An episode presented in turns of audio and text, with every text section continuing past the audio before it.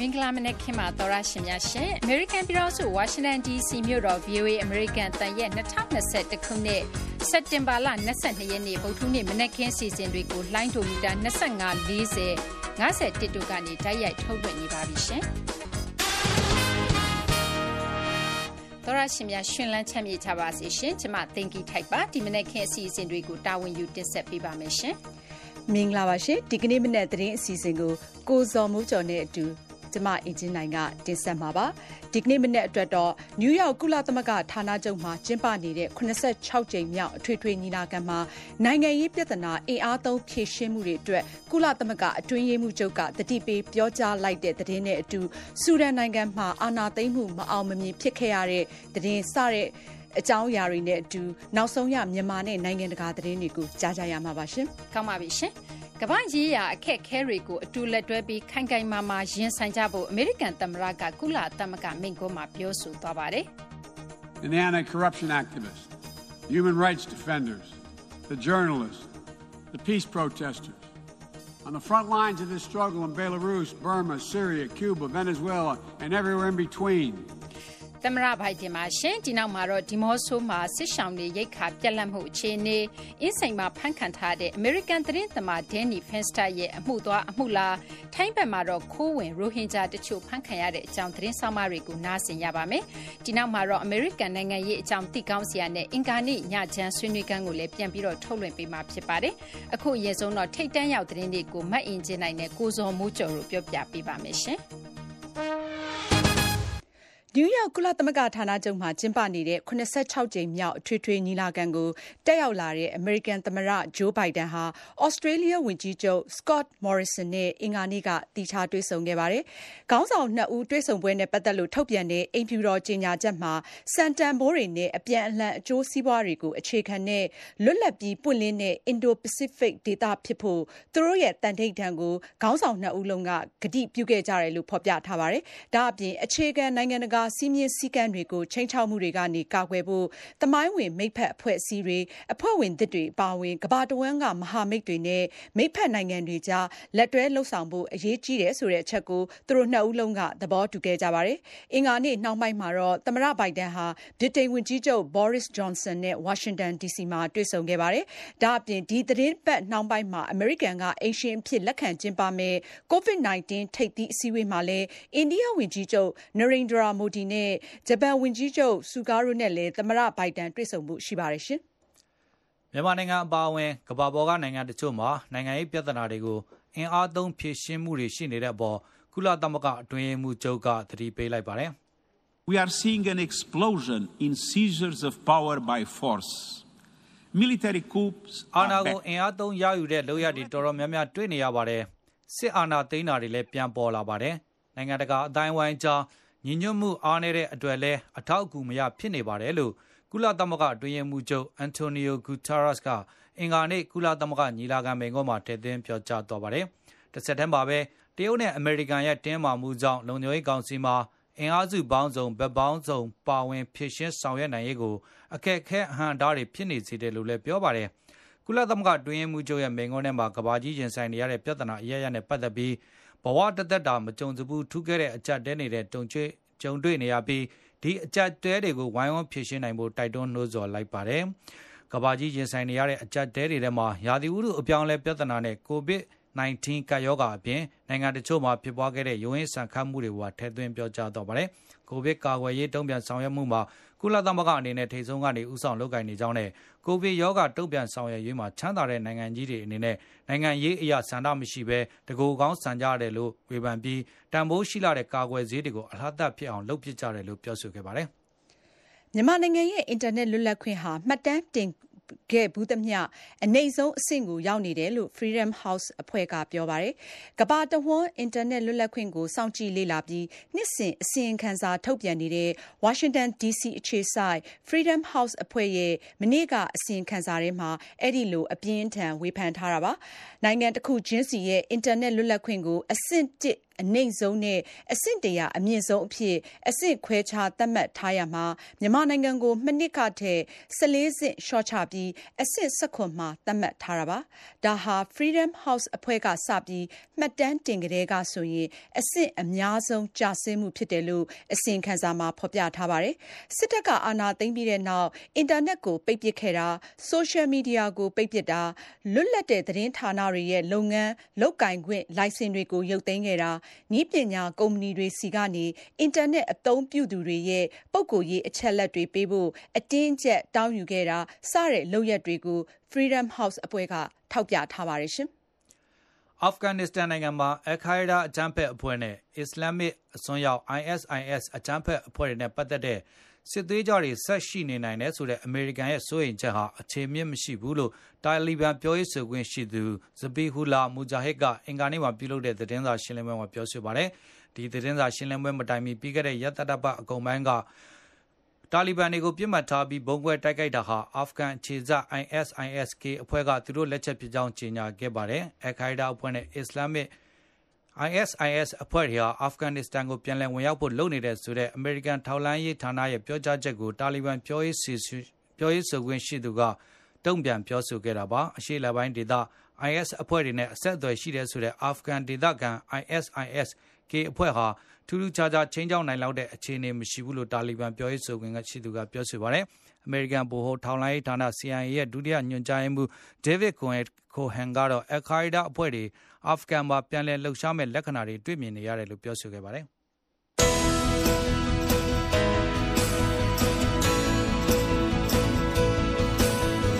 VOA အမေရိကန်တန်မနက်ဖြန်မြန်မာဘာသာအစီအစဉ်တွေကိုမနက်6နာရီကနေ9နာရီထိလိုင်းဒိုမီတာ24 kHz 1213ညလိုင်းဒိုမီတာ40 kHz 9413ည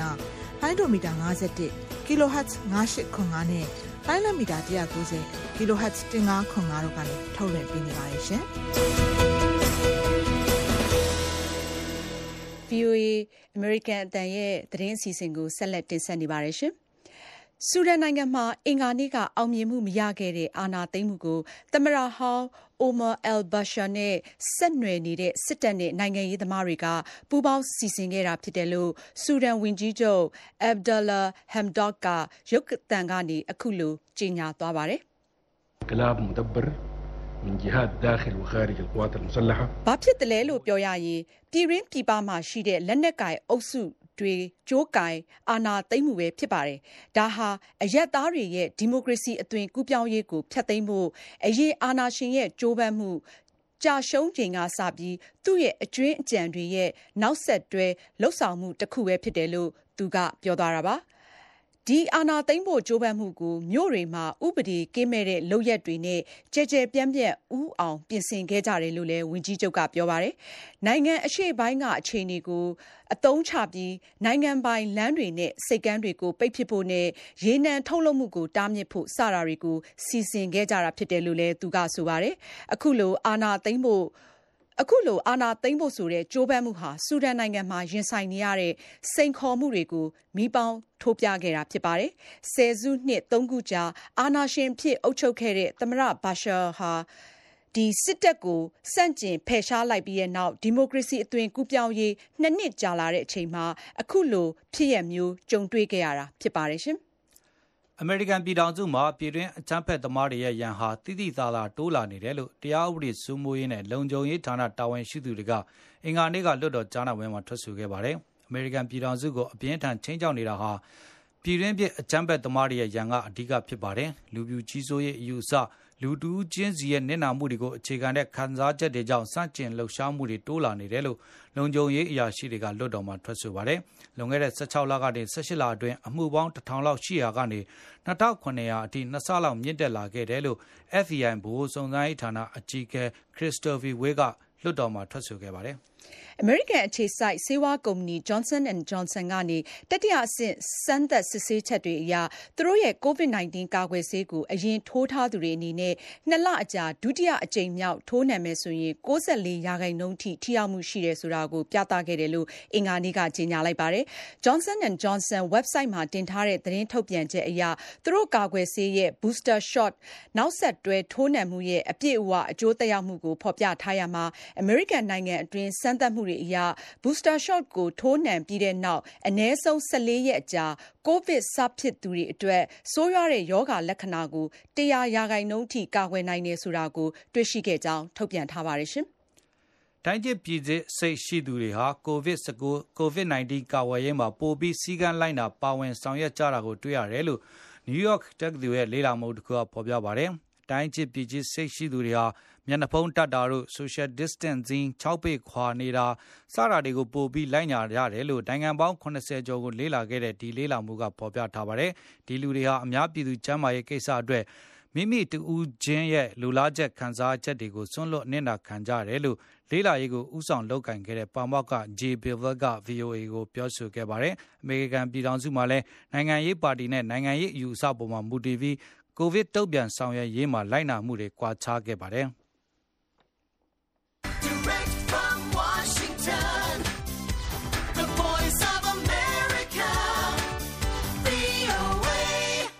ထိတ်တန့်ရောက် မြန်မာနဲ့ နိုင်ငံတကာ သတင်းတွေကိုမတ်ရင်ချင်နိုင်တဲ့ ကိုဇော်မိုးကျော်တို့ ပြောပြပေးခဲ့တာပါရှင်။အခုတော့ သတင်းဆောင်မတွေနဲ့ ဆက်သွယ်မိမြန်ကန်တွေကို တင်ပြပေးမှာ ဖြစ်ပါတယ်။ကဘာတဝါစိန်ခေါ်မှုတွေကို ရင်ဆိုင်တာမှာ အတူလက်တွဲ ရင်ဆိုင်သွားဖို့ ကုလသမဂ္ဂ အထွေထွေညီလာခံ မိန့်ခွန်းမှာ အမေရိကန်သမ္မတဂျိုးဘိုင်ဒန်ကပြောဆိုလိုက်ပါတယ်။ မြန်မာနိုင်ငံအပါအဝင် ကမ္ဘာတဝန်းက ဖိနှိပ်မှုတွေ၊ပဋိပက္ခတွေ၊ရာသီဥတု ဖောက်ပြန်မှုတွေနဲ့ ကပ်ရောဂါတွေလို စိန်ခေါ်မှုတွေကို ဖြေရှင်းရာမှာ သံတမန်ရေး နည်းလမ်းတွေကို အပြင်းအထန် ကျင့်သုံးမှာဖြစ်ကြောင်းလည်း ပြောဆိုခဲ့တာပါ။သမ္မတ Biden ရဲ့ ကုလသမဂ္ဂ အထွေထွေညီလာခံ မိန့်ခွန်းက ထူးခြားချက်တွေကို နယူးယောက် ကုလသမဂ္ဂရုံးချုပ်က VOA သတင်းထောက် Margaret Besheer နဲ့ ဝါရှင်တန်က Anita Powell တို့ သတင်းပေးပို့ထားတာကို ကိုအောင်လွင်ဦးက ပြောပြပေးပါမယ်။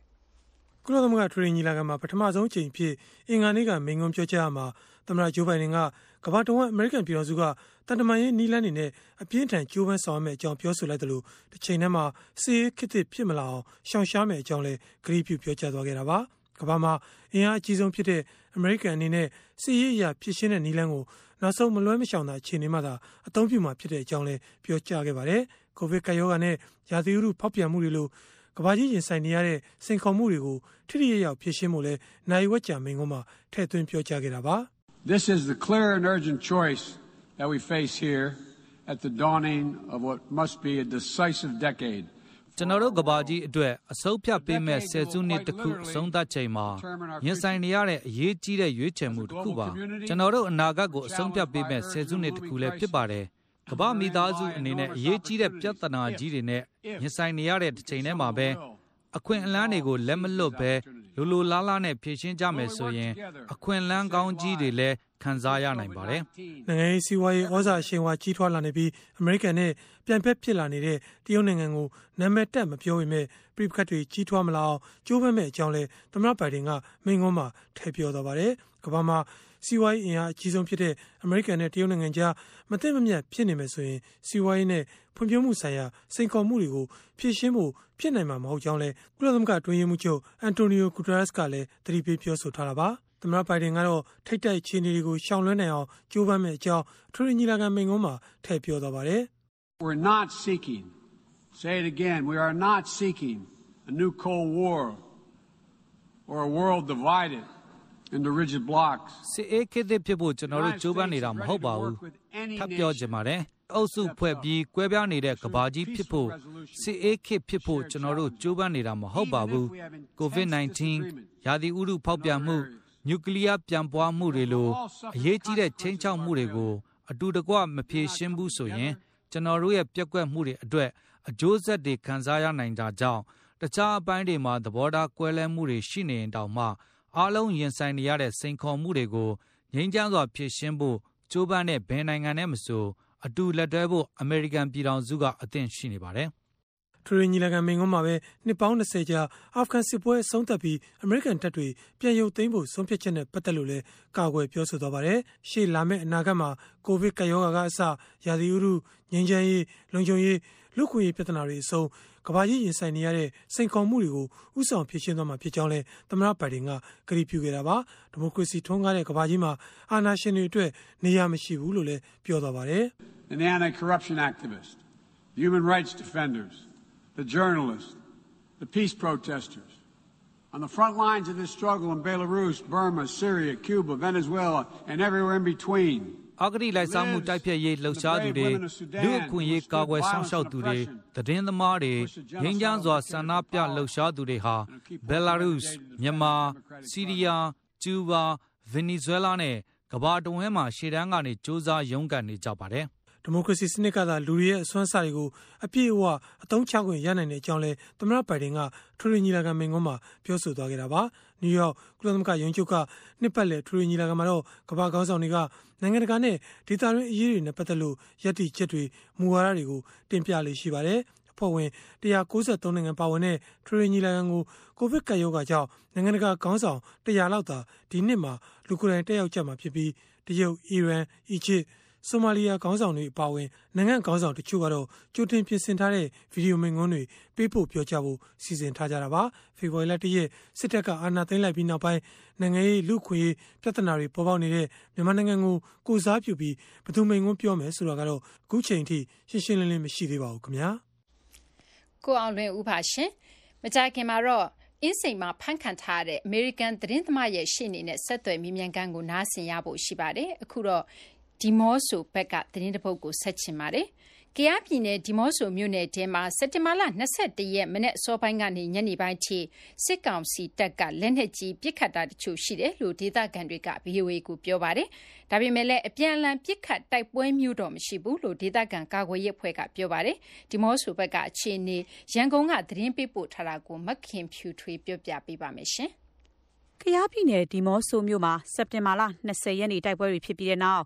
အခုစက်တင်ဘာလ21ရက်နေ့မှာတော့အရှိတ်ချမ်း6မိုင်ကြေးရွာအုပ်စုဘက်မှာမနက်ပိုင်းကနေညနေပိုင်းအထိစစ်ကောင်စီဘက်ကလက်နက်ကြီးတွေနဲ့ပစ်ခတ်တာတွေရှိနေတယ်လို့ဒေသခံတွေကပြောပါတယ်။တစ်ဖက်တပ်ပြီးရန်တပ်ပြီးခါတဲ့ပုံစံမျိုးတွေပဲကြားရတယ်။အခုထိပြနေတယ်လို့ပဲမနေ့ကနေခုချိန်ထိပဲဒါမဲ့စက်တိုက်တော့မဟုတ်ခဏတအောင်နေပြပြလိုက်ခဏတအောင်နေပြပြလိုက်မျိုးရှိတယ်။ဒေသခံတွေကတော့တရားမရှိတော့ရွာတွေမှာဂလောက်ထက်ပြီးကုန်ပြီးအိမ်တွေလည်းမနေ့က6မိုင်မှာအိမ်မိခါလောင်နေဆိုတော့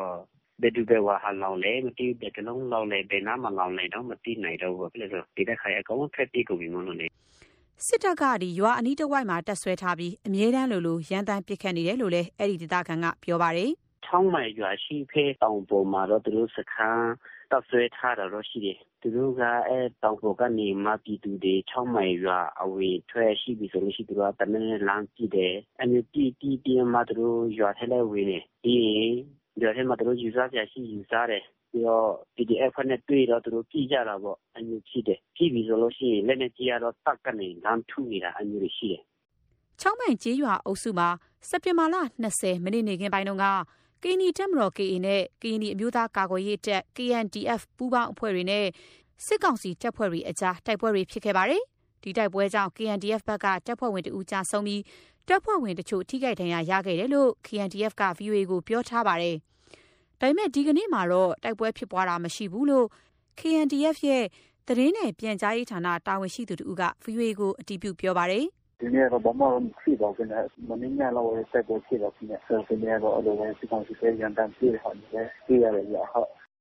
ချောင်းမိုင်ကြေးရွာအုပ်စုတဝိုက်မှာ စစ်တပ်က တပ်ဆွဲထားပြီးအ ਨੇ ဆုံး အင်အားတရာအထက်မှာ အမြဲတမ်း သွာလာလှုပ်ရှားနေတယ်လို့ ချောင်းမိုင်ကြေးရွာအုပ်စု ဘတ်တလဲရွာသားတဦးက ပြောပါတယ်။အပြစ်မဲ့ရက်သားပြည်သူတွေကိုပြစ်သက်ဖမ်းဆီးတာတွေ ရှိတယ်လို့လည်း ပြောပါတယ်။တောလာကျော်ပြီးကြာရွာကို မပြရဲကြဘူးကြာ။တောက်လျှောက်ပါပဲ။တောက်လျှောက်ပဲ ဖြစ်နေတယ်။အနာတော့ရတော့ရှိတတ်ထိုင်နေတယ်လေ။ဒီလာတွေးမှာတော့လောဝတာကျွန်တော်တို့ အဝိထွက် မလုပ်ရဲတော့လေ။ ပြပြီးဆိုတာနဲ့ အဲ့လိုပေါ်မလာတော့ဘူး။ဆက်တယ်လည်း မရတော့ဘူး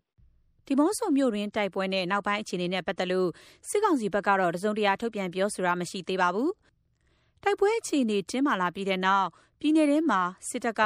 လမ်းကြောင်းပိတ်ဆို့ အင်အားအများပြားချပြီးတွာလာတဲ့သူတွေကို မေးမြန်းတာမရှိဘဲပြစ်ခတ်နေတယ်လို့ စစ်ဘေးဒုက္ခသည်တွေကို အကူအညီပေးနေသူတွေက VOA ကို ပြောပါတယ်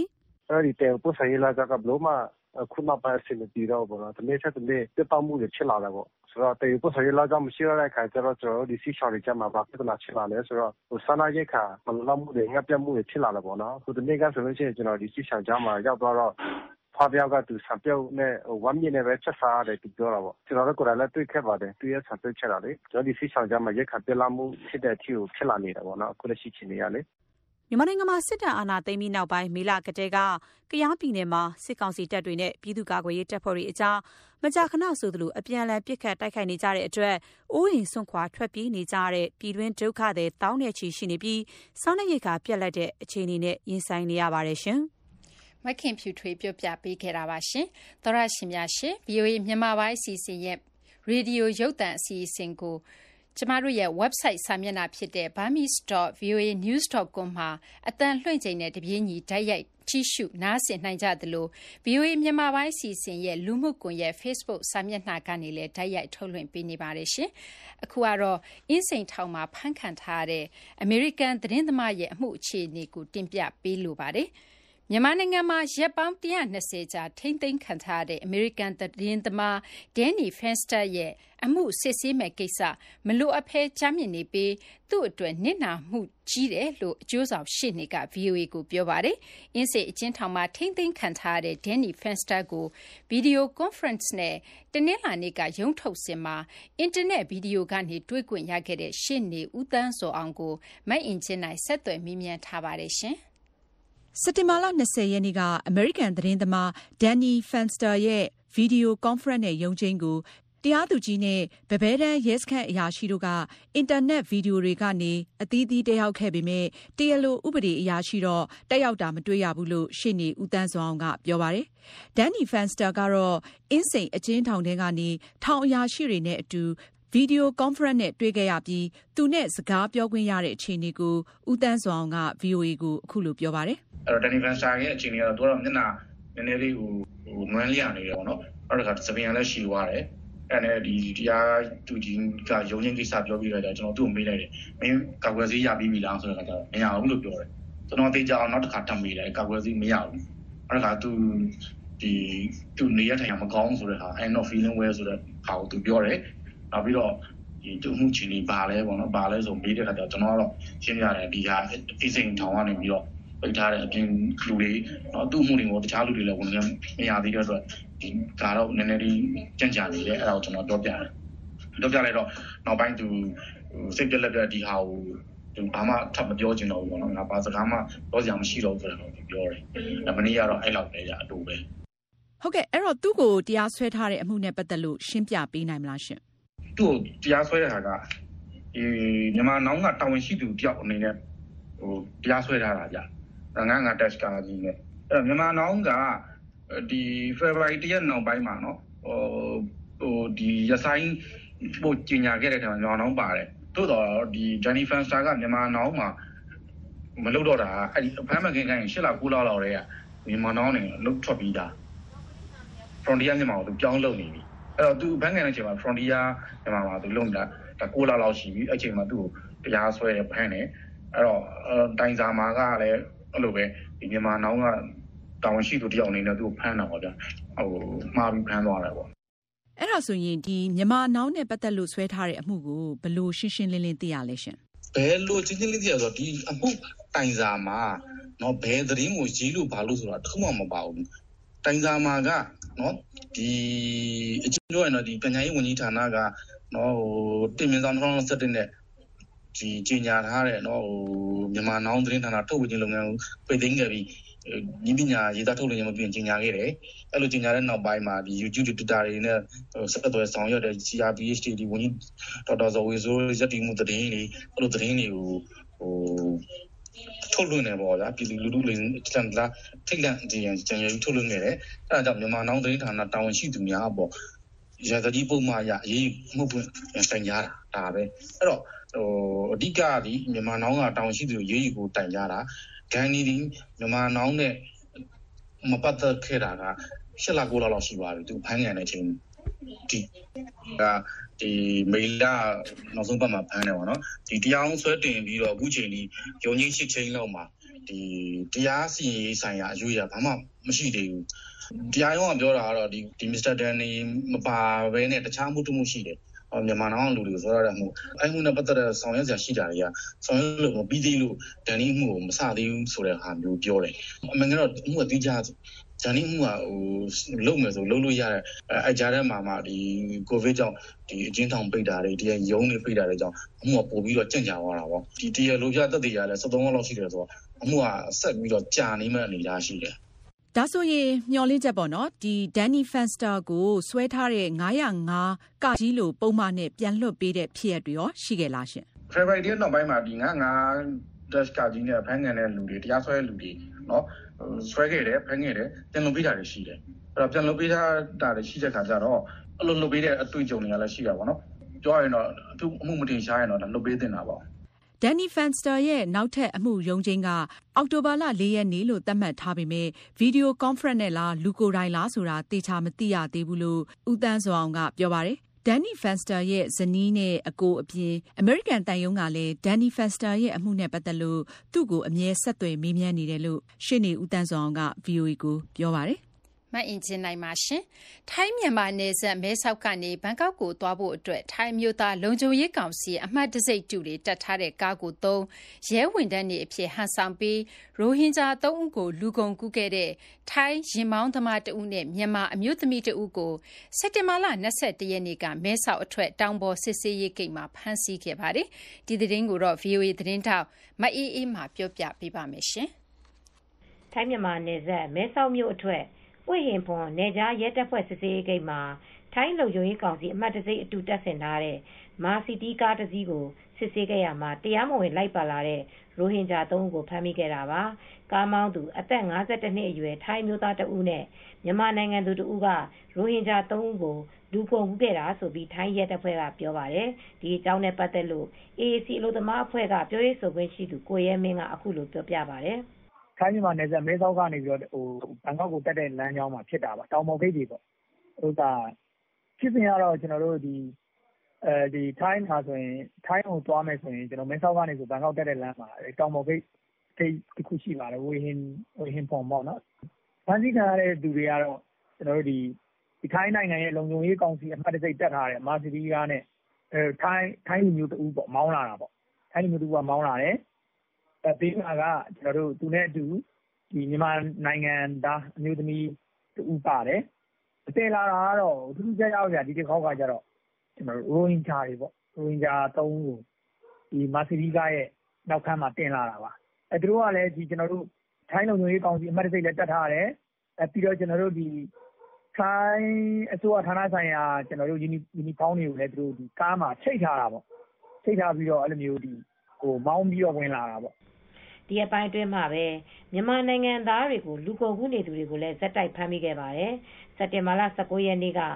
ချင်းမိုင်ပြည်နယ်ကနေ ဘန်ကောက်တက်လာတဲ့ခီးသည်တင် နှစ်ထပ်ကားတစ်စီးကိုလည်း လမ်းပန်းမြို့နယ် စစ်ဆေးဂိတ်တစ်ခုမှာ စစ်ဆေးခဲ့ရမှာ ကားပေါ်မှာပါလာတဲ့ တရားမဝင် မြန်မာနိုင်ငံသား39ဦးနဲ့အတူ ကားမောင်းသူကိုလည်း ဖမ်းဆီးခဲ့ပါတယ်။လမ်းပန်းမြို့နယ် ဟန်ချက်ရဲစခန်း စစ်ဆေးဂိတ်ကနေ စက်တင်ဘာလ19ရက်နေ့က သူတို့ကို ဖမ်းဆီးခဲ့ပြီး စက်တင်ဘာလ21ရက်နေ့မှာတော့ မြန်မာနိုင်ငံသား39ဦးနဲ့အတူ ကားမောင်းသူ ထိုင်းမျိုးသားတဦးကို တရားရုံးတင် အမှုဖွင့်ခဲ့တယ်လို့လည်း ထိုင်းအာဏာပိုင်တွေကို ကိုးကားပြီး ထိုင်းသတင်းတွေမှာ ဖော်ပြကြပါတယ်။ထိုင်းနိုင်ငံမှာ လုံခြုံရေးတွေ တင်းကျပ်တဲ့ကြားကပဲ မြန်မာနိုင်ငံသားတွေက ပုံစံမျိုးစုံနဲ့ဇက်တိုက်ခိုးဝင်လာနေတဲ့အတွက် လူကုန်ကူးသူ300ကျော်နဲ့ တရားမဝင် နိုင်ငံသား4000ကျော်လောက်ကိုတစ်နှစ်အတွင်း ဖမ်းဆီးခဲ့တယ်လို့လည်း ထိုင်းအာဏာပိုင်တွေက ထုတ်ဖော်ပြောဆိုခဲ့ပါတယ်ရှင်။ ထိုင်းခြေစိုက် VOA သတင်းတောက် မအေးအေးမှသတင်းပေးပို့ခဲ့တာဖြစ်ပါတယ်ရှင်။ရိုဟင်ဂျာဆိုတဲ့ အသုံးအနှုန်းကို လက်သင့်မခံတဲ့ မြန်မာနိုင်ငံတွင်းမှာ တရားဝင်ခီးသွွာလာခွင့်ရဖို့ ခက်ခဲတဲ့ ရိုဟင်ဂျာတွေဟာ ကုန်းလန်း ရေလန်းတွေကနေတဆင့် ဒေသတွင်း နိုင်ငံတွေကို တရားမဝင် ရွှေ့ပြောင်းသွားလာနေကြပြီး မကြာခဏဆိုသလို ဖမ်းဆီးခံနေရတာ ဖြစ်ပါတယ်ရှင်။ VOA မြန်မာပိုင်း အစီအစဉ်ရဲ့ ဗုဒ္ဓဟူးနေ့ မနေ့ခင်အစီအစဉ်တွေကို ဆက်ပြီးတော့ထုတ်လွှင့်ပေးနေပါတယ် အမေရိကန်တန်ရဲ့ရုပ်တံထုတ်လွှင့်မှုတွေကိုနေ့စဉ်24နာရီပတ်လုံးဖမ်းယူကြည့်ရှုနိုင်ပါပြီ။လူမှုမိတ်ဆွေရုပ်တံလိုင်းကနေနေ့စဉ်24နာရီရုပ်မြင်သံကြားထုတ်လွှင့်မှုအဖြစ် VOA အမေရိကန်တန်နဲ့ RFA လွတ်လပ်တဲ့အာရှအသံမြန်မာဘာသာအစီအစဉ်တွေကိုအမေရိကန်ပြည်ထောင်စုဝါရှင်တန်မြို့တော်ကနေအချိန်ပြည့်ထုတ်လွှင့်တင်ဆက်ပေးနေတာပါမြန်မာနိုင်ငံရဲ့နောက်ဆုံးရသတင်းတွေအပြင်အာရှဒေသနဲ့ကမ္ဘာတစ်လွှားကအချိန်နဲ့မျှဖြစ်ထွန်းမှုသတင်းမှန်တွေအပတ်စဉ်ကဏ္ဍတွေနဲ့ နိုင်ငံရေးစကားဝိုင်းအစီအစဉ်တွေးဆုံမေးမြန်းခန်းတို့ကိုကြည့်ရှုကြရမှာပါလူလူမိတ်ဆွေရုပ်တံလိုင်းကိုဖမ်းယူကြည့်ရှုခြင်းနဲ့ဆိုရင် Utelsat 70B Asia Beam ဂျိုတို့ Channel 101ဒါမှမဟုတ် Timecom 6ဂျိုတို့ Channel 123တို့ကနေဖမ်းယူကြည့်ရှုနိုင်ပါတယ်။ဂျိုတို့ဖမ်းယူမှုအသေးစိတ်အချက်လက်ကို VOA မြန်မာပိုင်းအင်တာနက်စာမျက်နှာနဲ့ VOA မြန်မာ Facebook စာမျက်နှာတို့မှာဖော်ပြထားပါတယ်ရှင်။ မြန်မာနိုင်ငံကပြည်သက်တွေစီသတင်းမှန်တွေပို့ပေးနိုင်မှုလူလူမိတ်ဆွေအရောက်လာခဲ့ပါပြီနော်။မင်္ဂလာမနက်ခင်းပါသောရရှင်များရှင် VOA အမေရိကန်အသံရဲ့2021ခုနှစ်စက်တင်ဘာလ22ရက်နေ့ဗုဒ္ဓဟူးနေ့မနက်ခင်းစီစဉ်တွေကိုလှိုင်းဒိုမီတာ25 kHz 1213ညလှိုင်းဒိုမီတာ40 kHz 9413ညလှိုင်းဒိုမီတာ51 kHz 9895တို့ကနေဆက်လက်ထုတ်လွှင့်ပေးနေပါတယ် အခုဒုတိယပိုင်းမှာနားဆင်ကြရဖို့ရှိတာတွေကတော့ဒါမဲ့22ရက်နေ့မှာကြာလို့ရှိရင်တော့မြန်မာနိုင်ငံနဲ့ပတ်သက်ပြီးတော့အထူးစုံစမ်းစစ်ဆေးရရှိမစ္စတာတော်အန်ဒရူးကပဲသူ့ရဲ့လက်ရှိเนาะကျွန်တော်တို့မြန်မာနိုင်ငံအတွင်းမှာနောက်ပိုင်းမှာစိုးဝါလာတဲ့ဟိုအဖြစ်ပြက်လူခွေချိုးဖောက်မှုအကြောင်းတွေကိုသူတင်ပြပါမယ် အင်္ဂါညချမ်း ဆွေးနွေးကအစီအစဉ်မှာ နားဆင်ချရမှာ ဖြစ်ပါတယ်ရှင်အခုရင်ဆုံးတော့ အမေရိကန် နိုင်ငံရေး အကြောင်း သိကောင်းစရာ အစီအစဉ်ကို ထုတ်လွှင့်ပေးပါမယ် အမေရိကန် ပြည်ထောင်စုမှာ လူအများစု အတွက် တတိယ အကြိမ် ကိုဗစ် အားဖြည့် ကာကွယ်ဆေး တလုံး ထပ်ထိုးရေး ကိစ္စ လူတိုင်း အတွက် လိုမလို စောင့်ဆိုင်းဖို့ အမေရိကန် အစားအစာနဲ့ ဆေးဝါးကွပ်ကဲရေး ဌာန FDA က ဆုံးဖြတ်လိုက်တာဟာ ကျန်းမာရေးဆိုင်ရာ အချက်လက်တွေပေါ် အခြေခံ ဆုံးဖြတ်တာလို့ အမေရိကန်သမ္မတ အိမ်ဖြူတော် ကျန်းမာရေးအရာရှိချုပ်က ပြောပါတယ်။ဒါပေမဲ့လည်း အသက် ၁၂ နှစ်အောက် ကလေးတွေ ကာကွယ်ဆေးထိုးဖို့ကိုတော့ မကြာခင် အတည်ပြုပေးဖို့ ရှိတယ်လို့ ပြောပါတယ်။ VOA သတင်းထောက် Arash Arabasadi ပေးပို့ထားတဲ့သတင်းကို ကိုအောင်အောင်တင်ပြထားပါတယ်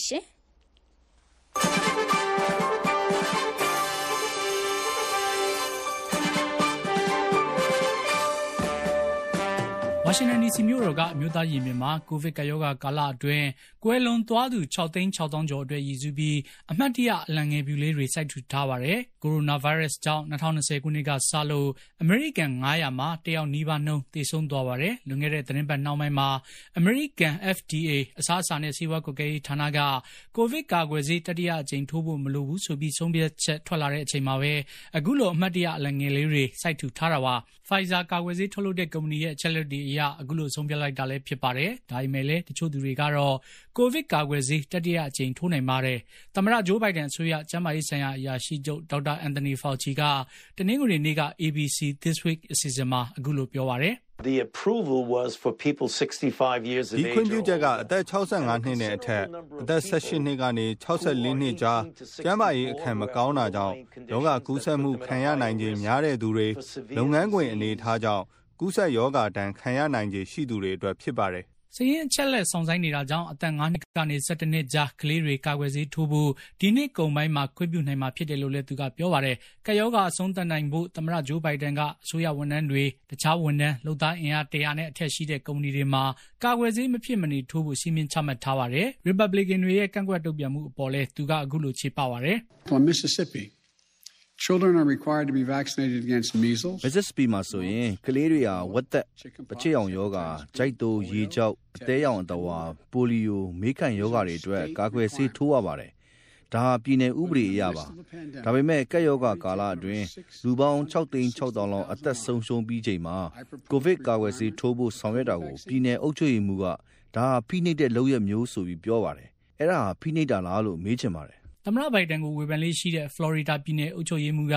အိမ်မီရော်ရဲ့ ကာကွယ်ဆေးထိုးရေးအစီအစဉ်ကြောင့် အလုတ်ကင်ခွန်လန်းတွေရောနေကုန်စေသလို တဦးချင်းရဲ့ အခွင့်အရေးကို ချိုးဖောက်ရရောက်တယ်ဆိုပြီးတော့လည်း ပြောပါတယ် အုပ်ချုပ်ရေးမှူး Ron DeSantis က သတင်းစာရှင်းလင်းပွဲအတွင်း ပြောကြားတာကို Fast Coast News မှာ အခုလို ကြားရပါတယ် When you have a president like Biden ဘိုင်ဒန်လို လူမျိုးသမ္မတက အမေရိကန်ရဲ့စံတာကိုစန့်ကျင်ပြီး ဖွဲ့စည်းပုံနဲ့မညီတဲ့ ဥပဒေမိန့်တွေ ထုတ်ပြန်တဲ့အခါ ဒါကို ပြန်တုံ့ပြန်တွန်းလှန်ဖို့ တာဝန်ရလုပ်ရပါမယ် အခုဖလော်ရီဒါမှာဒါကိုလှုပ်သွားပါမယ်အအမေရိကန်မှာဖလော်ရီဒါပြည်နယ်ဟာကိုဗစ်ကူးစက်မှုတတိယအများဆုံးပြည်နယ်ဖြစ်တယ်လို့ statista.com မှာဖော်ပြပါတယ်။ဒီတော့တွင်သမ္မတဘိုင်ဒန်ဆိုရဟာတခြားနိုင်ငံတွေကိုလူဒန်းဖို့ Pfizer ကုမ္ပဏီတို့ကာကွယ်ဆေးတန်း1500လောက်ဝယ်ယူဖို့ညှိနှိုင်းနေပါတယ်ခင်ဗျာ။အင်္ဂါညဆွေးနွေးခန်းအစီအစဉ်ကိုဆက်ပြီးတော့ထုတ်လွှင့်ပေးပါမယ်ရှင်။ မြန်မာနိုင်ငံတွင်း လူ့အခွင့်အရေး ချိုးဖောက်မှုတွေနဲ့ ပတ်သက်ပြီး အရေးယူနိုင်ရေး လုပ်ဆောင်ချက်တွေဟာ အရင်ကထက် ပိုပြီး အားကောင်းမယ်လို့ ကြားကာလ အမျိုးသား ညီညွတ်ရေး အစိုးရရဲ့ လူ့အခွင့်အရေး ဝန်ကြီး ဦးအောင်မျိုးမင်းက VOA ကို ပြောပါတယ်။ကျင်းပဆဲ လူ့အခွင့်အရေး ကောင်စီ အစည်းအဝေးနဲ့ ကုလသမဂ္ဂ အထွေထွေ ညီလာခံ အတွင်း မြန်မာနိုင်ငံနဲ့ ပတ်သက်တဲ့ အခြေအနေ အရပ်ရပ် ဖြစ်လာနိုင်ခြေ မျှော်လင့်ချက် စတာတွေနဲ့ ပတ်သက်ပြီး ဦးအောင်မျိုးမင်းကို ကိုကျော်ကျော်သိန်းဆက်သွယ်မိမြန်ထားပါတယ်ရှင်။ဦးအောင်မျိုးမင်း VOA နဲ့ထပ်ပြီးတော့ဆက်သွယ်နေရဝင်ပြုတဲ့အတွက်အထူးပဲကျေးဇူးတင်ပါတယ်။ကြံကြံမှာမှာရှိလိမ့်မယ်လို့လည်းပြောလင့်ပါတယ်ခင်ဗျ။ဟုတ်ကဲ့ကျေးဇူးတင်ပါတယ်။ကျွန်တော်တို့ကတော့အမြဲတမ်းမီဒီယာနဲ့ဆက်ဆက်ဆက်သွယ်ပြီးတော့ပြည်သူလူထုနဲ့ချိတ်ဆက်ပေးနေတဲ့အတွက်လည်းအများကြီးကျေးဇူးတင်ပါတယ်ဗျ။ဟုတ်ကဲ့ပါ။ဆိုတော့ကျွန်တော်ပထမဆုံးစလိုက်ချင်တာကအခုဆိုရင်ဟလာကုလသမဂ္ဂမှာမြန်မာအရေးနဲ့ပတ်သက်ပြီးတော့အဓိကစီဝေဝဲကြီးနှစ်ခုရှိနေတယ်။တစ်ခုကလူခွင့်ရေးကောင်စီစီဝေးနောက်တစ်ခုကထွေထွေညီလာခံ ဆိုတော့လူခွင့်ရေးကောင်စီအစည်းအဝေးမှာလည်းမြန်မာအရေးနဲ့ပတ်သက်ပြီးတော့ဟလာပြောကြဆိုကြဆွေးနွေးကြမယ်တင်ပြကြမယ်ဆိုသိထားတာရှိတော့ဘုရားမေလက်ရှိကျွန်တော်တို့စကားပြောနေတဲ့အချိန်ဒီဟလာလူခွင့်ရေးကောင်စီဘက်ကအခြေအနေအထူးညီလာခံဘက်ကအခြေအနေအဲ့ဒါလေးကိုအကျဉ်းချင်းချုပ်ပြီးတော့ပြောပြပါလားဘယ်လိုအခြေအနေရှိနေပါလဲဟုတ်ကဲ့ကိုကျော်ကျော်သိန်းကျေးဇူးတင်ပါတယ်ဟိုကုလသမဂ္ဂမှာအရေးကြီးတဲ့လူခွင့်ရေးကောင်စီရဲ့အထွေထွေညီလာခံရဲ့တစ်ချိန်နဲ့ မှာကျင်းပသလိုဖြစ်နေတော့မြန်မာပြည်သူလူထုကလည်းတခါတလေအမြင်တွေလွဲနေကြပါတယ်အဲ့တော့ကျွန်တော်ပထမဦးဆုံးဂျနီဗာမှာကျင်းပတဲ့လူခွေကောင်စီအကြောင်းကျွန်တော်ရှင်းပြပါမယ်လူခွေကောင်စီဆိုတဲ့အတိုင်းပဲဟိုလူခွေနဲ့ပတ်သက်တဲ့အကြောင်းအရာတွေကျွန်တော်တို့ဆွေးနွေးတာဖြစ်ပါတယ်အဲ့တော့မြန်မာနိုင်ငံအကြောင်းကမဖြစ်မနေပါတဲ့အကြောင်းအရာဖြစ်တယ်ဒီလိုပါခဲ့တာလည်းကြားခဲ့ပါပြီအဲ့တော့ဒီတစ်ခေါက်မှာကတော့ဟိုကျွန်တော်တို့မြန်မာနိုင်ငံနဲ့ပတ်သက်တဲ့ဆွေးနွေးပွဲ၃ခုရှိပါတယ် ပထမတစ်ခုကတော့ WIWM လို့ခေါ်တဲ့မြန်မာနိုင်ငံအချက်လက်စုဆောင်းရေးရန်တရားပေါ့နော်ဒီကနေသူ့ရဲ့ဥက္ကဋ္ဌကနေပွင့်ပွင့်ချင်းနေမှာပဲမြန်မာနိုင်ငံရဲ့လက်ရှိအခြေအနေကဒီရာဇဝတ်မှုကျူးလွန်တဲ့အချက်တွေဖြစ်တယ်ဒါကြောင့်မလို့အမှန်တရားကိုတနေ့တစ်ချိန်ချိန်မှာရအောင်ဖော်ထုတ်ရမယ်ဆိုတော့အားရှိစရာစကားတစ်ခုပြောသွားတာကျွန်တော်တွေ့ရပါတယ်ဒါမဲ့22ရက်နေ့မှာကြာလို့ရှိရင်တော့မြန်မာနိုင်ငံနဲ့ပတ်သက်ပြီးတော့အထူးစုံစမ်းစစ်ဆေးရရှိ မစ္စတာတော်အန်ဒရူးကပဲ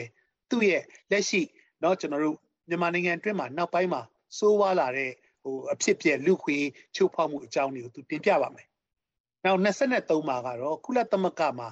ဟိုတာဝန်ရှိဆုံးတဲ့အကြီးဆုံးဖြစ်တဲ့ဟိုလူခွေဆိုင်ရာမဟာမင်းကြီးကလည်းအရင်တုန်းကသူထုတ်ပြန်ခဲ့တဲ့ထုတ်ပြန်ကြေညာချက်နဲ့ပတ်သက်ပြီးတော့ နောက်ပိုင်းထပ်ပြီးတော့တင်ပြဆွေးနွေးပါမယ်အဲ့ဒါအားလုံးပြီးရင်တော့လူခွေကောင်စီကနေမြန်မာနိုင်ငံနဲ့ပတ်သက်တဲ့ဆုံးဖြတ်ချက်တစ်စောင်ထုတ်ပါမယ်ဟုတ်ကဲ့နောက်တစ်ခုကတော့ဂျနီဗာမှာကျင်းပတာမဟုတ်ပါဘူးသူကတော့နယူးယောက်မှာကျင်းပပါတယ်ဒါကတော့အထွေထွေနီလာခံပေါ့ဟုတ်ကဲ့အဲ့ဒါကတော့နိုင်ငံရေးရပို့ပြီးတော့သက်ဆိုင်ပါတယ်အဲ့တော့နိုင်ငံရေးရသက်ဆိုင်တဲ့အခါမှာအခုဆိုရင်သူတို့ကဟိုဖွင့်ပွဲလေးကျင်းပပြီးပါပြီနော်86ကြိမ် သူတို့စပြီးကျင်းပါတယ်ကျင်းပတဲ့အခါမှာတက်ရောက်မဲ့နိုင်ငံတွေနဲ့ပတ်သက်ပြီးတော့ဘယ်သူကိုကိုစားပြုတက်ရောက်မလဲဆိုတော့အရေးချင်းစစ်တဲ့ကော်မတီ credential committee ကိုတော့သူတို့ဖွဲ့စည်းပြီးပါပြီအဲ့ဒါနဲ့ပတ်သက်လို့မကြာမီမှာသူတို့ရဲ့လှုပ်ထုံးလုပ်နည်းတိုင်းကပ္ပခေါင်းဆောင်တွေလာရောက်ပြီးတော့ဆွေးနွေးမယ် high level panel ဆိုတာကျွန်တော်ရှိပါလိမ့်မယ်ပြီးလို့ရှိရင်တော့သူ့ရဲ့လှုပ်ထုံးလုပ်နည်းတိုင်းပဲတကဘာလုံးရေးရတယ်ဆွေးနွေးမယ်မြန်မာနိုင်ငံရေးရလဲ အမြဲတမ်းပါနေကြဖြစ်တဲ့အတွက်ဒါကိုလည်းထပ်ပြီးတော့ဆွေးနွေးပြီးတော့ဆုံးဖြတ်ချက်ချမှတ်ပါဖြစ်ပါတယ်လက်ရှိနှစ်ခုကတော့ကျွန်တော်တို့ဆက်လက်ပြီးတော့အစည်းအဝေးကျင်းပနေတော့မှာပဲခင်ဗျဟုတ်ကဲ့ကျွန်တော်ကျွန်တော်ပထမဦးဆုံးထရီညီတန်ကိုကျွန်တော်တို့နောက်ပိုင်းသွားမယ်ပထမဦးဆုံးဒီလူခွေကောင်စီဘက်ကိုသွားလိုက်ချင်တယ်ဆိုတော့ကျွန်တော်သိထားသလောက်ဥပမျိုးမျိုးတို့ဘက်ကလည်းဒီလူခွေကောင်စီမှာနိုင်ငံတွင်းအခြေအနေအဓိကပြင်စခိုင်းတို့မျိုးဘက်ကဒီနဲ့ပတ်သက်ပြီးပုံမျိုးအစီအစဉ်ကပို့ထားတယ်ကျွန်တော်သိထားတယ်ဆိုတော့ကျွန်တော်ပထမဆုံးသိချင်တာဥပမျိုးမျိုးတို့ပို့ထားတယ် ဟလာရထားတဲ့အချက်လက်တွေလူခွင့်ရေးကောင်စီပို့ထားတဲ့အချက်လက်တွေက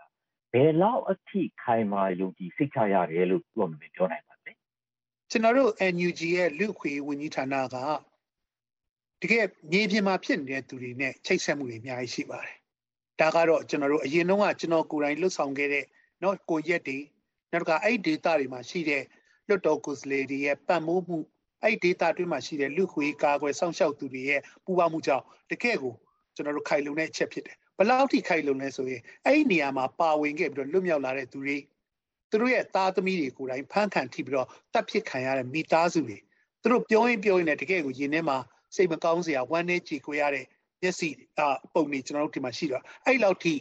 first hand information လို့ခေါ်တဲ့ကာယငံရှင်ရဲ့တွေ့ဆုံချက်ဖြစ်တဲ့အတွက်ဒါတိတက်ခိုင်လို့ကမရှိတော့ပါဘူးအဲ့တော့ဒါနဲ့ပတ်သက်ပြီးတော့ကျွန်တော်တို့စုံစမ်းမှုတွေလုပ်တယ်အခက်အခဲမျိုးမျိုးကြားရတယ်ဆက်သွယ်တယ် သူတို့ကြားချက်နဲ့ကျွန်တော်မြေပြင်ကတခြားရရှိတဲ့သတင်းတွေကိုစုဆောင်းပြီးမှထုတ်ပြန်ကြေညာတာဖြစ်တဲ့အတွက်လူခွေနဲ့ပတ်သက်တဲ့အချက်လက်ခိုင်မာမှုရယ်သုံးသပ်မှုရယ်ဘက်မလိုက်ဖဲနဲ့လှုပ်ဆောင်မှုဆိုတဲ့အချက်ဒီမှာတော့ကျွန်တော်တကယ်ကိုတရားရာခိုင်နှုန်းပြည့်ခိုင်မာတယ်လို့ကျွန်တော်ねရေးရေးပြောရပါတယ်ဗျဟုတ်ကဲ့ခင်ဗျတကယ်တော့လာလူခွင့်ရေးကောင်စီစီဝေးတွေကျင်းပတာရယ်မြန်မာလူမြန်မာနိုင်ငံအခြေအနေကအများတန်းပြောဆိုဆွေးနွေးနေကြပါနေကြဆွေးနွေးချက်တွေထွက်နေကြဆိုတော့ ဒီဒီချိန်ကအရင်အချိန်တွေထက်ဘာများပိုထူးခြားပါလဲဒီဒီချိန်မှာလူခွင့်ရေးကောင်စီကမြန်မာနိုင်ငံပေါ်စိတ်ဝင်စားမှုအရင်အချိန်တွေထက်ဆိုင်ပို့ပြီးတော့ဟလာအားကောင်းသလားပို့ပြီးတော့စိတ်ဝင်စားမှုရှိကြပါလားဟိုမြန်မာနိုင်ငံနဲ့ပတ်သက်လို့လူခွင့်ကောင်စီမှာဆွေးနွေးရကြားပါပြီ။ဘာကြောင့်လဲဆိုတော့မြန်မာနိုင်ငံနဲ့ပတ်သက်ပြီးတော့အထူးစုံစမ်းစစ်ဆေးရရှိခန့်အပ်တာလည်းဒီကောင်စီရပဲဖြစ်တယ်။အဲဒါကြောင့်မလို့မြန်မာနိုင်ငံနဲ့ပတ်သက်တဲ့ဟိုစိတ်ဝင်စားမှုကဟိုရင်းနေရှိပါတယ်။ဒါပေမဲ့ဒီနှစ်ရဲ့ထူးခြားချက် ကျွန်တော်တို့ပြောမယ်ဆိုရင်စစ်ကောင်စီကနေအာဏာသိမ်းထားတဲ့အချိန်နောက်တစ်ခါအခုဆိုလို့ရှိရင်အရင်တုန်းကလမ်းပေါ်မှာဆန္ဒပြတဲ့လူတွေကိုပဲအကြမ်းဖက်ဖြိုခွင်းတာမဟုတ်ဘဲနဲ့အပြစ်မရှိတဲ့ရွာတွေဒေသတွေကနေကျွန်တော်ရှိနေတဲ့အပြစ်မဲ့ရွာသူရွာသားတွေကိုတကယ်ရည်ရွယ်ချက်ရှိရှိနဲ့တပ်ဖြတ်တာနောက်တစ်ခါအစုလိုက်ပြုံလိုက်တပ်ဖြတ်တဲ့အရာနောက်တစ်ခါနေအိမ်တွေကိုစီမံကိန်းဖြတ်လေးပြတ်ပုံစံမျိုးနဲ့စီမံပြီးတော့ စီမံချက်ချပြီးလှုပ်ဆောင်တဲ့ချက်တွေဟာတကဘာလုံးကတင်ကြပြီးပါပြီအဲ့တော့ဒီကိစ္စနဲ့ပတ်သက်လို့အာယုံဆုဆိုင်မှုအရန်ကြီးပါတယ်အရင်တာမန်အခြေအနေတဲ့ပို့ပြီးအာယုံဆုဆိုင်မှုကြီးတယ်တစ်ချိန်တည်းမှာပဲကျွန်တော်တို့ဒီမြန်မာနိုင်ငံအကြောင်းကိုစိတ်ဝင်စားတဲ့နိုင်ငံတွေကလည်းဒီကိစ္စကိုသူတို့တင်ပြဖို့အတွက်လည်းအစဉ်အသင်းဖြစ်ပါတယ်အဲ့တော့ဒါလေးကစိတ်ဝင်စားမှုပေါ့နော်နောက်တစ်ခါကျွန်တော်တို့အခုအချိန်မှာဘာဖြစ်လာလဲဆိုတော့ NUG ကိုယ်တိုင်ကဒီနိုင်ငံတကာနဲ့ပူးပေါင်းဆောင်ရွက်မှုလှုပ်ဆောင်ပါမယ်လို့ကျွန်တော်ကတိပေးထားပြီးသားပါ အရင်တုန်းကလို့ဒါတွေလက်မခံမှုနောက်နိုင်ငံတကာနဲ့ပူးပေါင်းဆောင်ရွက်မှုမလုပ်ဘူးလို့ညှင်းဆန်တဲ့ကာလမဟုတ်ပုံမူပြီးတော့အားလုံးသိတဲ့အတိုင်းပဲ ICC လို့ခေါ်တဲ့ဒီကျွန်တော်တို့အပြည်ပြည်ဆိုင်ရာတရားရုံးနဲ့ဆိုရင်ပူးပေါင်းဆောင်ရွက်ပါမယ်လက်ခံပါမယ်ဆိုတော့ကျွန်တော်ကြေညာချက်လည်းထုတ်ပြန်ပြီးသားပါအဲ့တော့တကယ်လည်းဆိုးဆိုးဝါးဖြစ်နေတယ်နိုင်ငံတွေကလည်းစိတ်ဝင်စားနေတယ် NUG ကလည်းဒါနဲ့ပူးပေါင်းဆောင်ရွက်မယ်ဆိုတော့အကြောင်းတရားသုံးခုပူးပေါင်းတဲ့အခါမှာဒီထက်ပိုမှုပြီးတော့ကျွန်တော်တို့တာမန် ကြေညာချက်ထုတ်ပြန်တာမကဘဲနဲ့တကယ်ကိုတရားရေးရအရေးယူနိုင်ဖို့တရားရုံးတင်နိုင်ဖို့နောက်တစ်ခါအခုလောက်ဒီရရဆက်ကျူးလွန်နေတဲ့စစ်ကောင်စီကိုအမြန်ဆုံးလှုပ်ဆောင်နိုင်တဲ့လမ်းကြောင်းတွေကတော့အရင်ကတည်းကပုံပြီးတော့အားကောင်းမယ်ဆိုတာကျွန်တော်လည်းပြောနိုင်ပါတယ်ဒါပေမဲ့ညှော်လင့်ချက်ကြီးလည်းကျွန်တော်အရင်ကြီးမပေးချင်ပါဘူးဘာကြောင့်လဲဆိုတော့နိုင်ငံတကာနဲ့လှုပ်ဆောင်တာဖြစ်တယ်နောက်တစ်ခါကျွန်တော်တို့တခြားအကြောင်းအရာတွေကလည်းကဘာမှာကျွန်တော်တို့ ਨੇ စိတ်မကောင်းစရာအတူတူဖြစ်နေကြတော့အရင်ထက်ပိုပြီးတော့ အရှိန်ကုန်မြင့်လာသလိုတချို့နေရာမှာကျွန်တော်တို့ကတီးတက်ပို့ပြီးတော့ဆက်ပြီးတော့စူးစမ်းဖို့လည်းလိုအပ်ပါတယ်နေချင်းညချင်းဖြစ်လာဖို့ဆိုတဲ့အကြောင်းအရာတော့ဟိုကျွန်တော်တို့ဒါကိုကျင်းသေးအာမမခံနိုင်တာတော့ဒါကျွန်တော်ပုပ်ပုလင်းပြောချင်ပါတယ်မှန်ပါတယ်ပေါ်မင်းပြောသလိုဟလာဟိုမျောလင်းချက်ဟလာအများကြီးပေးတယ်ဆိုရင်လည်းဒီမျောလင်းချက်ကဖြစ်မလာဘူးဆိုရင်စိတ်တဲ့အာရောစရာတွေဖြစ်လာနိုင်ကြ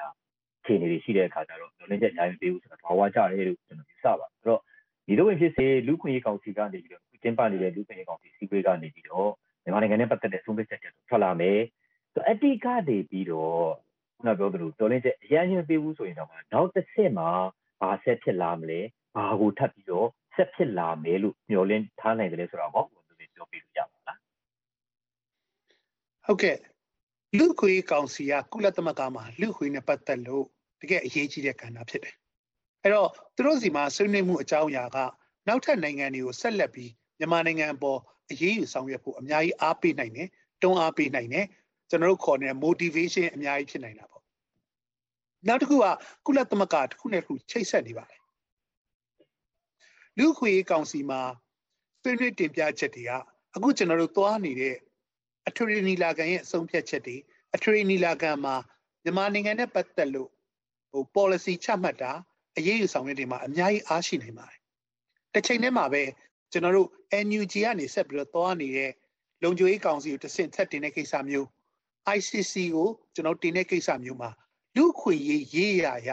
ဒီကိစ္စတစ်ခုကတကယ့်ကိုအင်တိုက်အားတိုက်နဲ့အခြေခံပေးနိုင်နေတာဖြစ်တယ်အဲ့တော့လူခွေကောင်စီမှာကောင်းမွန်ပြင်းထန်တဲ့ကြီးညာချက်ရက်တီချက်ထွက်လာရင်အထရီနီလာကမှာကျွန်တော်တို့ဆွေးနွေးနေတဲ့ credential issue တွေ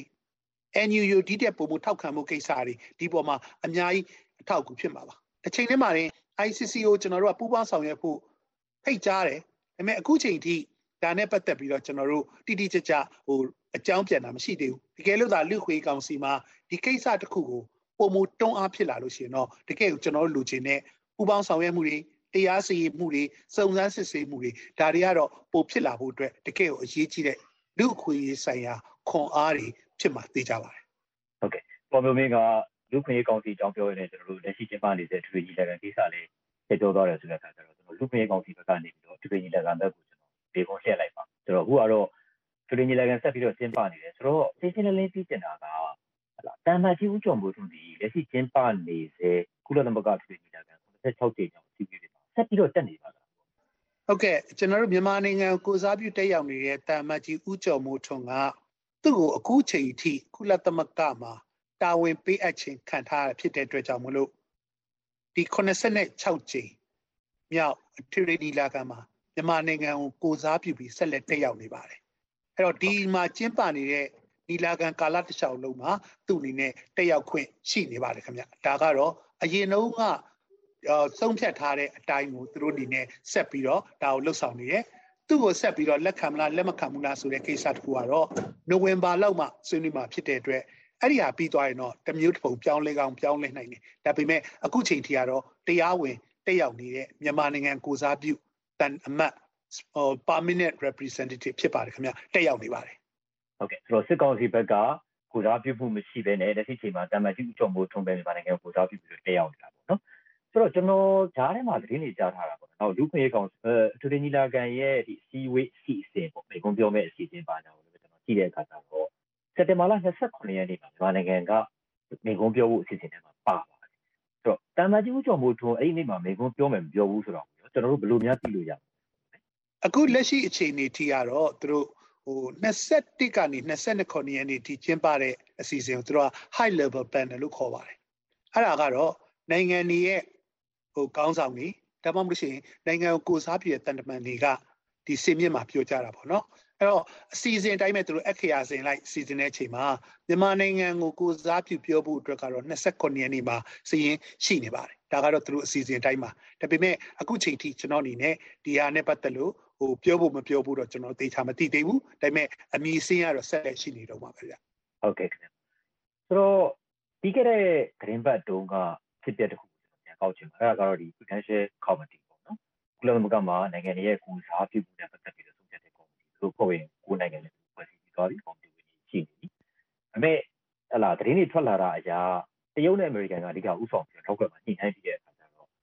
ကုလသမဂ္ဂမှာမြန်မာနိုင်ငံရဲ့ကိုစားပြုမှုကိုဒါမဲ့နိုဝင်ဘာလအထိဟလာပြောဆိုဆွေးနွေးတာမရှိသေးတဲ့စိုင်းထားမယ်အဲ့ဒီနောက်ပိုင်းကျမှနိုဝင်ဘာလလောက်မှအစောဆုံးဆွေးနွေးမယ်ဆိုပြီးတော့သတင်းထွက်ထားတာရှိပါတယ်ဟုတ်ပြီအဲ့ဒီပုံမှာဘယ်လိုနားလည်လို့ရမလဲကျွန် တော်တို့ဘယ်လိုနားလည်ကြည့်ရမလဲဒီဟာကတော့ကျွန်တော်တို့သတင်းမီဒီယာတစ်ခုကနေရေးသားထားတဲ့အကြောင်းအရာဖြစ်ပါတယ်ဒီအတိုင်းဆိုလို့ရှိရင်တော့ဥကြော်မိုးထုံးနဲ့တော့စစ်ကောင်စီကတင်သွင်းတဲ့ကိုယ်စားလှယ်နဲ့ပတ်သက်ပြီးတော့ဘသူကိုဟိုကိုစားပြုခွင့်ပေးမလဲဆိုတဲ့ဟာနိုဝင်ဘာထိထွက်မှာမဟုတ်ပါဘူးအဲ့ဒါကတော့ကျွန်တော်ပြောမယ်ဆိုရင်ဒီတိုင်းဆက်သွားနိုင်မယ်ဒီတိုင်းဆက်သွားမယ်ဆိုလို့ရှိရင်တော့ဥကြော်မိုးကခုနကျွန်တော်ပြောခဲ့သလိုပဲသူ့အနေနဲ့မြန်မာနိုင်ငံတရားဝင် ဟိုကိုယ်စားလှယ်ဖြစ်တယ်အဲ့တော့ဒီမှာသူတို့ ਨੇ တက်ရောက်ခွင့်နဲ့ပါဝင်ခွင့်သူရှိနေပါလိမ့်မယ်တကယ်လို့သာကျွန်တော်တို့ကဒီနိုဝင်ဘာမှာဒီ credential committee ကအခုဆိုတော့သူတို့အချင်းချင်းတွေ့တာရောရှိပါတယ်ဒါပေမဲ့တရားဝင်เนาะအားလုံးစုပ်ပြီးတော့မျက်နှာမျက်နှာချင်းစုံညီပြီးတော့တွေ့ဆုံတဲ့ဟာနိုဝင်ဘာမှာလှုပ်ဆောင်မယ်ဆိုရင်အဲ့ဒီချိန်ကျရင်တော့ကွဲကွဲပြားပြားအဖြေထွက်လာမှာပါအဲ့တော့အဖြေထွက်လာမယ်ဆိုလို့ရှိရင်တော့ဘသူ့ကိုအတိမတ်ပြုမလဲ ဘသူ့ကိုကိုစားပြည့်ခွင့်ပေးမလဲဆိုတဲ့အဖြေထွက်လာမယ်အဲ့ဒါမျိုးထွက်လာရင်တော့ထွက်အဲ့ဒီဆုံးဖြတ်ပြီးတော့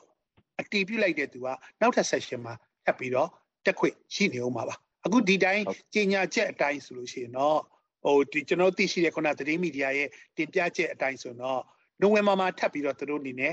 ထုတ်ပြန်မယ်ထုတ်ပြန်တဲ့အခါမှာဥကြော်မိုးထုံးဖြစ်ဖို့အတွက်ပို့ပြီးတော့အလားအလာများတယ် အဲ့တော့ဦးကျော်မိုးထွန်းကအဲ့တိုင်းဖြစ်တယ်ဆိုရင်တော့နောက်ထပ် session တွေမှာဆက်ပြီးတော့တက်ရောက်ခွင့်ရှိမယ်ဆိုတဲ့သဘောမျိုးဖြစ်ပါတယ်ဗျကျွန်တော်တေချာအောင်ထပ်ပြီးပါမယ်ဦးအောင်မျိုးမျိုးတို့မျှော်လင့်ထားတာကနိုဝင်ဘာမှာ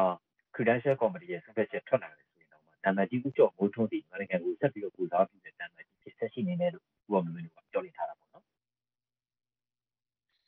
ဟုတ်ပါတယ်တည်င်းမီဒီယာရဲ့ပြောကြားချက်ရဲ့နောက်တစ်ခါဒီကုလသမဂ္ဂရဲ့ကိုယ်စားလှယ်တွေကြားထဲမှာပြောကြားချက်တွေကျွန်တော်ကြည့်မယ်ဆိုရင်တော့ ဥကြော်မိုးထွန်းကိုမြန်မာနိုင်ငံရဲ့ဒီကိုယ်စားလှယ်ဖြစ်ဆက်လက်ပြီးတော့တာဝန်ပေးပြီးတော့ဟိုအတိမတ်ပြုမယ်ဆိုတဲ့သဘောမျိုးဖြစ်ဖို့များပါတယ်ဒါကဒါဖြစ်နိုင်တဲ့အခြေအနေအများဆုံးပါဖြစ်နိုင်ခြေဖို့အခြေအနေအနည်းဆုံးကတော့စစ်ကောင်စီကနေတော့အမည်စင်းတင်သွင်းထားတဲ့သူကိုလက်ခံမှုကဖြစ်နိုင်မှုအနည်းဆုံးပါဒါပေမဲ့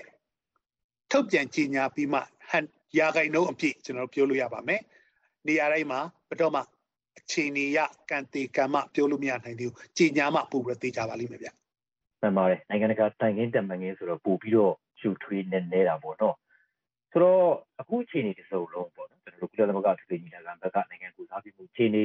ကုလသမဂ္ဂလုံခြုံရေးကောင်အဲထွေထွေလူခွင့်ရေးကောင်စီမှာဆွေးနွေးနေကြတဲ့အခြေအနေမြန်မာအေးပေါ်အာရုံစိုက်တဲ့အခြေအနေ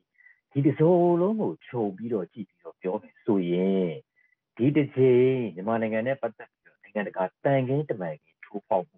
ဥပမာမျိုးဘယ်လိုလုံးသက်ပါတယ်လဲဥပမာမျိုးမျိုးရဲ့ထိုးဖောက်မှုနဲ့စစ်ကောင်စီဘက်ကနိုင်ငံတမန်ခင်းထိုးဖောက်မှုနဲ့ဥပမာမျိုးမျိုးဘယ်လိုသုံးသပ်ထားပါလဲကိုအားတာပြီလားသူတို့အားရောပြီလားသူမတင်ကိုမတင်တာဘယ်လိုရှိလဲနိုင်ငံတကာတန်တမန်နည်းအရအခင်းချင်းရကြည့်မယ်ဆိုရင်ကျွန်တော်တို့ရဲ့နိုင်ငံတကာတင်နကဗျူဟာမှာအောင်မြင်တယ်လို့ကျွန်တော်ပြောလို့ရပါတယ်ကျွန်တော်တို့ဆိုတာ NUG အစိုးရလည်းဖြစ်တယ်လို့လူအခွင့်လိုလားတဲ့ ဒီမိုကရေစီလှုပ်ရှားမှုတစ်ခုလုံးရဲ့ဟိုအောင်မြင်မှုလို့ပြောလို့ရပါတယ်။ဘာကြောင့်အောင်မြင်မှုပြောလဲဆိုတော့အရင်တော့ဒီကျွန်တော်တို့88တုန်းကအာနာသိန်းတော့ဆိုလို့ရှိရင်တော့စစ်ကောင်စီကချက်ချင်းအာနာသိန်းတယ်။နောက်ရက်ဒီမှာနိုင်ငံတကာမှာသူ့ကို de facto เนาะဟိုအစိုးရအနေနဲ့ချက်ချင်းအသိမှတ်ပြုတယ်အခုချိန်ထိကျွန်တော်တို့9လကျော်ခဲ့ပါပြီစစ်ကောင်စီကိုအစိုးရအဖြစ်အတိမှတ်မပြုတဲ့အရာတွေဖြစ်နေတယ် တစ်ချိန်တည်းမှာပဲကုလသမဂ္ဂမှာသူတို့ကိုတက်ရောက်ဖို့အတွက်တရားဝင်ဟိုခန့်အပ်ပြီးတော့အတိမှတ်ပြုတာတွေကျွန်တော်တို့မရှိသေးပါဘူးဒါကကျွန်တော်တို့ရဲ့ပထမအောင်ဆုံးအောင်မြင်မှုဖြစ်ပါတယ်ဒီဒီအချိန်မှာကျွန်တော်တို့ပြောမယ်ဆိုရင်တော့စံမွဲမှာကျွန်တော်တို့ကဒါဘယ်လိုမျိုးဖြစ်သွားပြီလဲဆိုလို့ရှိရင်တော့ဟိုအောင်မှတ်ကိုကောင်းကောင်းကြီးကြော်သွားပြီပေါ့ဗျာဂုံနူးဝင်လားမဝင်လားတော့ကျွန်တော်တို့မသိသေးဘူးဂုံနူးဝင်တယ်ဆိုတာတော့နောက်ထပ်ကျွန်တော်တို့ဒီအပေါ်မှာမူတည်ပြီးတော့နိုင်ငံတကာရဲ့ပူးပေါင်းဆောင်ရွက်မှုဒီအပိုင်းကတော့ကျွန်တော်ဆက်ပြီးတော့ဂုံနူးဝင်အောင်ဆက်ကြိုးစားမယ် တကယ်လို့သာနိုင်ငံတွေကနေစစ်ဒီကောင်စီရဲ့လှုပ်ဆောင်မှုကြောင့်သူတို့ကိုအတိမမပြုတဲ့ပြင် NUG ကိုတရားဝင်အစိုးရဖြစ်အတိမတ်ပြုတော့ကျွန်တော်တို့ကအမှတ်ပြအောင်မြင်တဲ့အဆင့်ထိရောက်တယ်လို့ပြောနိုင်ပါတယ်အခုချိန်ထိကတော့ကျွန်တော်တို့နိုင်ငံတကာရဲ့စံမွဲမှာကျွန်တော်အောင်ချက်ကိုကောင်းကောင်းကြုံလုံပြီးတော့ဂုံနုတန်းဝင်မှုအတွက်ဂုံနုအမှတ်ဝင်မှုအတွက်ရောက်သွားနေတဲ့အခြေအနေပြီးတော့ရောက်နေပါပြီဗျအောင်ချက် အော်အောင်မှတ်ကတော့ကောင်းကောင်းရထားပြီဂုံနုတန်းဝင်မှုအဆင့်ရောက်နေပြီအဲ့ဒီအခြေအနေကိုညီမပြည်တွင်းနိုင်ငံရေးတဲ့ကျွန်တော်တို့ပြောင်းကြည့်လိုက်ရင်ညီမနိုင်ငံရေးဒီညီမပြည်တွင်းနိုင်ငံရေးလက်ရှိအခြေအနေနဲ့ပြောင်းဆိုပြီးတော့အတိတ်ပဲဖွင့်ဆိုကြည့်လိုက်ဘယ်လိုအတိတ်ပဲမျိုးရမဘယ်လိုအတိတ်ပဲမျိုးလဲဆိုတော့ကျွန်တော်တို့တစ်ခုနဲ့တစ်ခုကတော့အပြန်အလှန်ဆက်ဆက်နေတာပါနော်နိုင်ငံတကာမှာဘာကြောင့်ဒီလိုမျိုးကျွန်တော်တို့အခုချိန်ဒီစစ်ကောင်စီကိုလက်မခံနိုင်သေးလဲဆိုလို့ရှင်တော့ပြည်တွင်းမှာရှိနေတဲ့ အင်အားစုတွေရဲ့နှီးမျိုးစုံနဲ့ဆက်လက်စန့်ကျင်နေမှုပါ CDM ကိစ္စတွေကျွန်တော်ရှိနေတယ်နောက်တစ်ခါကျွန်တော်တို့အခုချိန်ထိဟိုပူးပေါင်းဆောင်ရွက်မှုမရှိဘဲနဲ့ဆန္ဒပြပြီးလှုပ်ဆောင်နေတဲ့ခွန်အားတွေရှိတယ်အဲ့ဒါကြောင့်မလို့ဒီဟာကပြည်သူလူထုကိုယ်တိုင်ကဒီကျွန်တော်တို့ဒီအာနာသိစစ်ကောင်စီကိုလက်မခံဘူးဆိုတဲ့အချက်ကြောင့်နိုင်ငံတကာကပို့ပြီးတော့ဒါကိုဟိုသဘောပေါက်လာတာဖြစ်ပါတယ်။ နောက်ပြည်ရင်းမှာစစ်ကောင်စီနေနဲ့တကယ်ကိုနောက်ဆုံးဗယံပဓာတွေဖြစ်ပြီးတော့အကုန်လုံးမဲမဲမြင်မြင်လိုက်ပစ်မယ်ဆိုတော့ပုံစံဟိုလှုပ်ဆောင်တဲ့ဟာတခုကလည်းကျွန်တော်နိုင်ငံတကာမှာတကယ်ဒါစစ်ကောင်စီနေနဲ့စစ်ရာဇဝတ်မှုနော်လူသားချင်းမျိုးနွယ်တစ်ခုလုံးကျူးလွန်တဲ့ရာဇဝတ်မှုဖြစ်ဟိုကျူးလွန်နေတဲ့ရာဇဝတ်မှုတွေကျူးလွန်နေတယ်သူတို့ကအမှန်တော့တိုင်းပြည်အုပ်ချုပ်တဲ့အာဏာနဲ့မထိုက်တန်မဲနဲ့နော် နိုင်ငံတကာတရားရုံးကျိုးစင်နဲ့ပဲထိုက်တန်တယ်ဆိုတဲ့ပုံစံကိုပြနေတယ်အဲ့တော့အထဲမှာလှုပ်ဆောင်တဲ့အာကောင်းချက်ရဲ့အောင်မြင်မှုတွေကကျွန်တော်တို့နိုင်ငံတကာမှာသွားပြီးတော့အကျိုးသက်ရောက်တာဖြစ်ပါတယ်အဲ့တော့တကယ်လို့သာကျွန်တော်တို့ကနိုင်ငံတကာမှာဘယ်လောက်ထိပဲကျွန်တော်တို့ပြောပြောခုနလိုပြည်တွင်းရဲ့လှုပ်ရှားမှုတွေပြည်တွင်းမှာရှိနေတဲ့သူတွေရဲ့ကြိုးပမ်းမှုတွေမပါရင်တော့ဘလို့မှဖြစ်မှာမဟုတ်ပါဘူးအဲ့တော့တစ်ခုနဲ့တစ်ခုအပြန်အလှန်ဆက်ဆက်နေတယ်ဆိုတဲ့အကြောင်းအရာရဲ့နောက်တစ်ခါနိုင်ငံတကာဖိအားကလည်းကျွန်တော်မဖြစ်မနေလိုအပ်တယ်ဆိုတာပြနေပါတယ် တကယ်လို့သာကျွန်တော်တို့ကနိုင်ငံတကာမှာမြန်မာအကြောင်းအရာမရှိတော့ဘူးမြန်မာပေါ်မှာစိတ်ဝင်စားမှုမရှိရင်ကမ္ဘာမှာဖြစ်ပျက်နေတဲ့အကြောင်းအရာတွေကကျွန်တော်တို့မြန်မာနိုင်ငံပေါ်လွှမ်းမိုးသွားနိုင်တယ်ပြည်တွင်းမှာဖြစ်တဲ့အကြောင်းအရာကိုဘယ်သူမှမသိတော့ဘူးအဲ့ဒါမျိုးဆိုတော့ကျွန်တော်ပြည်တွင်းမှာဟိုအခန်းတကာပိတ်ပြီးတော့เนาะအကုန်လုံးလှုပ်ချင်တယ်လို့လှုပ်မယ်ဆိုတဲ့ပုံစံမျိုးမဖြစ်ဖို့အတွက်နိုင်ငံတကာဖိအားကလည်းအရေးကြီးတယ်ဆိုတဲ့အကြောင်းအရာကိုတက်တည်ပြနေပါတယ်ဗျဟုတ်ကဲ့ခင်ဗျပေါ်မျိုးမင်းဗာများထပ်ပြီးတော့ဖြစ်ဆက်ပြောချင်ပါသေးတယ်ခင်ဗျ အဲ့တော့ကျွန်တော်တို့ဘက်ကတော့ဒီအဖြစ်မှန်တွေကိုတကယ်ရရှိအောင်လှုပ်ဆောင်ပြီးတော့အစီရင်ခံစာတင်သွင်းတာရှိပါတယ်နောက်ပြီးလို့ရှိရင်တော့ကျွန်တော်တို့ကိုယ်တိုင်ဟိုကိုစားပြုမပြောနိုင်သည့်တိုင်အောင်တက်ရောက်နေတဲ့နိုင်ငံတွေနဲ့ကျွန်တော်တို့နိုင်ငံချင်းချိတ်ဆက်မှုလှုပ်ဆောင်နေပါတယ်ကျွန်တော်တို့ကိုစား high panel high level panel မှာမြန်မာနိုင်ငံအကြောင်းပြောဖို့အတွက်လည်းကျွန်တော်နိုင်ငံတွေနဲ့ညှိနှိုင်းထားတာရှိတယ်တစ်ချိန်တည်းမှာနေပြောရုံနဲ့မကဘဲနဲ့ talking တခု not speak out တခုလည်းမကဘဲနဲ့ special action ဆိုတဲ့ခေါ်တဲ့ပုံမှုပြီးတော့ထိရောက်တဲ့လုပ်ငန်းတွေလှုပ်ဆောင်မှုအတွက်လည်းနိုင်ငံတစ်ခုချင်းအလိုက်ဖြစ်ပါစေနိုင်ငံတွေအများကြီးနဲ့ပတ်သက်ပြီးတော့လည်းကျွန်တော်လှုပ်ဆောင်နေပါတယ်အဲ့ဒီအချိန်မှာတန်ကင်းတမန်ကင်းဖြစ်တဲ့အတွက်ကြောင့်မို့လို့ကျွန်တော်တို့ဟိုအချိန်က